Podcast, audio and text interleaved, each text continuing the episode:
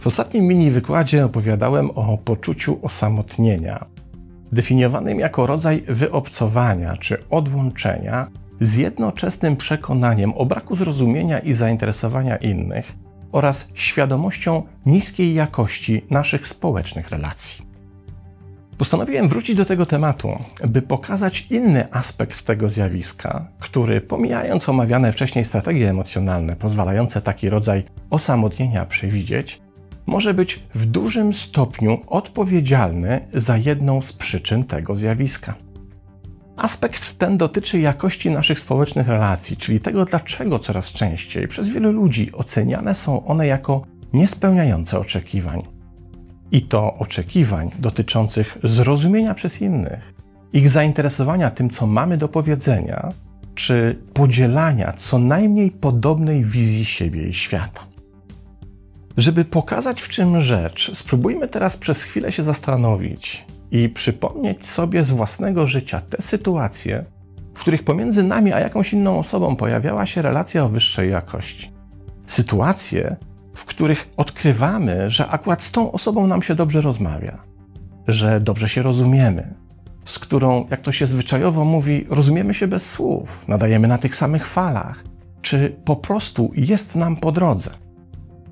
Kiedy uda nam się przypomnieć taką relację, spróbujmy sobie odpowiedzieć na pytanie, dlaczego tak się działo, albo na pytanie, co różniło te relacje od pozostałych.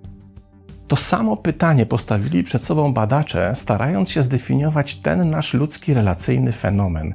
Właśnie to, że potrafimy w jednym przypadku gadać z kimś, jakbyśmy się znali lata, mimo że widzimy się po raz pierwszy w życiu, a z inną osobą, mimo że znamy się od dłuższego czasu, komunikacja jakoś już nam tak dobrze nie idzie i prawdę powiedziawszy, niespecjalnie nas do jej powtarzania ciągnie. Ten społeczny fenomen nazywany jest współdzieloną rzeczywistością lub w terminologicznym, mniej drętwym wydaniu, reprezentowanym przez dr Amy Gordon, psychologa społecznego z Uniwersytetu Michigan, po prostu klikiem. Mówi ona, że kiedy poznajemy kogoś nowego i nie tylko dobrze nam się z tą osobą rozmawia, ale mamy wrażenie, że znamy się od dawna i ta druga osoba wręcz czyta w naszych myślach, doświadczamy euforycznego uczucia, które można nazwać rodzajem kliknięcia. Coś zaskoczyło, coś kliknęło, jakaś mentalna zapadka trafiła dokładnie w swoje miejsce. Pojawia się poczucie, że ta druga osoba tak samo postrzega świat jak my.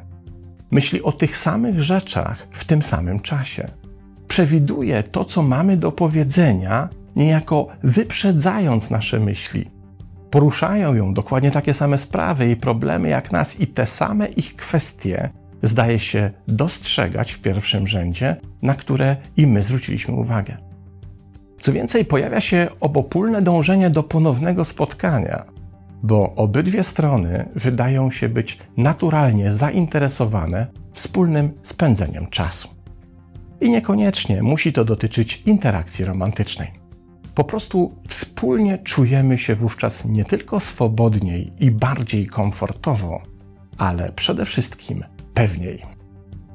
Kiedy w badaniu dedykowanemu współdzielonej rzeczywistości, przeprowadzonemu w 2021 roku przez połączone zespoły badaczy z amerykańskich i niemieckich uniwersytetów, symulowano różne warunki środowiskowe, odkryto, że kliknięcia pojawiają się częściej w sytuacjach symulujących zewnętrzne zagrożenie. I również wówczas utrzymują się one dłużej, nawet wśród par badanych, w których w normalnych warunkach takie kliknięcia się nie pojawiały. Ale zewnętrzne zagrożenie nie wyjaśnia tych wszystkich wypadków, w których do kliknięć między nami dochodzi spontanicznie. A przecież wiemy z własnego doświadczenia, że takie kliknięcia, które zapamiętaliśmy raczej z poczuciem zagrożenia, nie miały wiele wspólnego. Zatem ich występowanie musi mieć inny fundament. I tu warto sięgnąć do kolejnych badań, tym razem badaczy z uniwersytetów Northwestern i Chicago, przeprowadzonych również w 2021 roku. By przekonać się, jaki wniosek możemy wyciągnąć sami z ich wyników, spróbujmy na chwilę wyobrazić sobie, że jesteśmy uczestnikami następującego eksperymentu. Oto przed tobą przytulna kawiarnia z dwoma salami. Ty zaś stoisz przed dwoma wejściami do sali po lewej oraz do sali po prawej i masz zdecydować, z którego wejścia skorzystasz. Przedtem jednak musisz poznać zasady tej gry. Otóż w obydwu salach znajdują się stoliki, przy których siedzą ludzie, których nie znasz i z którymi będzie trzeba podjąć rozmowę face to face. Problem w tym, że istnieją przy tych stolikach pewne tematy obowiązkowe, więc zajęcie miejsca przy danym stoliku jednocześnie będzie cię zobowiązywało do podjęcia obowiązującego przy nim tematu. Zanim zdecydujesz się na wybór którejś z tych dwóch sal, możesz przejrzeć listę tematów wyznaczonych dla każdego stolika. W sali po prawej dla poszczególnych stolików są to następujące tematy. Gdzie ostatnio spacerowałeś i co widziałeś? Czy lubisz wstawać wcześnie rano i dlaczego? Jaki był najlepszy program telewizyjny, który ostatnio widziałeś i dlaczego? Jak często obcinasz włosy i z usług jakiego fryzjera korzystasz? W sali po lewej przy kolejnych stolikach obowiązują następujące tematy rozmowy. Jakie jest najbardziej wstydliwe wspomnienie z Twojego życia? Za co w swoim życiu czujesz największą wdzięczność? Gdybyś mógł zajrzeć w przyszłość swojego życia, to czego byś chciał się dowiedzieć? Kiedy ostatnio płakałeś w życiu i jaki był tego powód? A teraz spróbuj dokonać wyboru i sam czy sama sobie odpowiedz, którą salę wybierzesz? Pierwszą po prawej czy drugą po lewej? Jeśli wybierasz salę po prawej, to tym samym dokonujesz wyboru, którego dokonała większość badanych, a stało się tak z kilku powodów. Po pierwsze, badani uznawali, że sala z płytszymi tematami jest dla nich bardziej bezpieczna. Będą się w niej czuli bardziej komfortowo, nie narażając się na uwewnętrznianie przed nieznanymi osobami, co stanowiło dla nich rodzaj zabezpieczenia przed domniemaną oceną. Po drugie, uznawali, że głębsze rozmowy w sali po lewej będą co najmniej niezręczne i będzie je nie tylko ciężej prowadzić, ale też utrzymać czy kontynuować. Po trzecie, uznawali, że głębsze rozmowy z nieznajomymi nie przyniosą żadnych korzyści, będą sztuczne, bez znaczenia oraz że prawdopodobieństwo pojawienia się kliknięcia z przypadkowym nieznajomym jest znikome, właściwie równe zeru.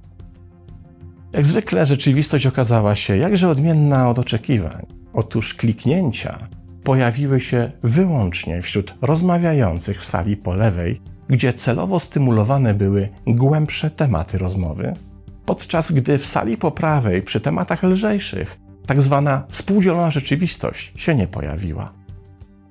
To oznacza, że większość z nas wykazuje tendencję do unikania głębszych rozmów z innymi ludźmi, i woli się schować za zasłoną gadki szmatki, bo wtedy uzyskuje złudne poczucie bezpieczeństwa i w ten sposób reguluje lęk przed oceną.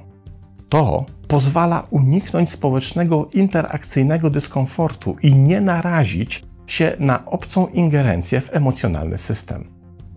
Można to nazwać budowaniem społecznego ochronnego pancerza, w którym usiłujemy ochronić naszą wewnętrzną intymność w obawie przed rozczarowaniem wynikającym ze zderzenia z niską jakością relacji, brakiem zrozumienia czy emocjonalnym zranieniem. Problem jednak z pancerzami jest taki, że zawsze działają w dwie strony. I owszem, chronią świat wewnętrzny przed zewnętrznym, ale też nie dopuszczają do tego, by świat zewnętrzny mógł zapoznać się z tym, co jest skrywane pod pancerzem. W ten sposób paradoksalnie to, czym usiłujemy się chronić, staje się przyczyną naszego poczucia wyobcowania. Bo przecież jeśli przyjrzymy się definicji poczucia osamotnienia, to łatwo się zorientujemy, że opisuje ona dokładnie odwrotny stan niż ten, którego doświadczamy podczas współdzielonej rzeczywistości, czyli mówiąc inaczej, w czasie kliknięcia. To z kolei powoduje, że tym większego poczucia osamotnienia doświadczamy, im mniej w naszym życiu pojawia się kliknięć. A one z kolei nie mogą się pojawić, kiedy zamykamy się w pancerzu mającym chronić nas przed obojętnym światem.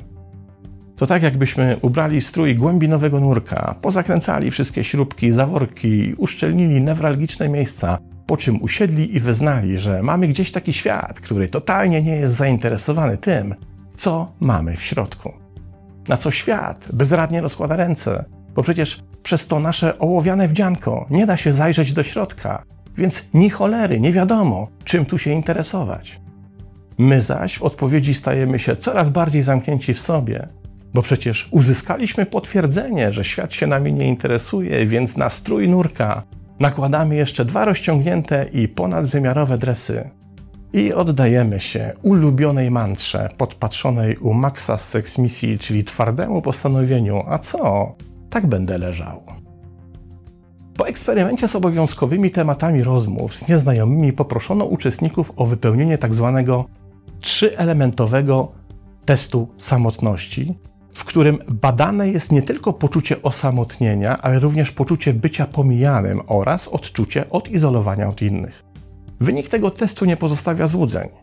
Płytkie rozmowy nie przyniosły tutaj żadnej zmiany, ale te głębsze, nawet kiedy były prowadzone z nieznajomymi i nawet kiedy sama potrzeba ich przeprowadzenia wywoływała opór wśród badanych, przyniosły wyraźne zmniejszenie poczucia osamotnienia. Co więcej, wyłącznie odbycie głębszej rozmowy spowodowało, że badani pytani o to, jakiego dokonaliby wyboru, gdyby po raz kolejny ich przed takim postawiono, bez wahania wskazywali, że skorzystaliby z możliwości głębszej rozmowy, bo korzyści, które w ten sposób otrzymali, są nie do przecenienia. Jedyne, co trzeba czasem zrobić, to zdjąć pancerz, by przewietrzyć nasze wnętrze, bo dopiero wtedy dajemy sobie szansę na kliknięcia. Jedne z najlepszych lekarstw na poczucie osamotnienia. Pozdrawiam.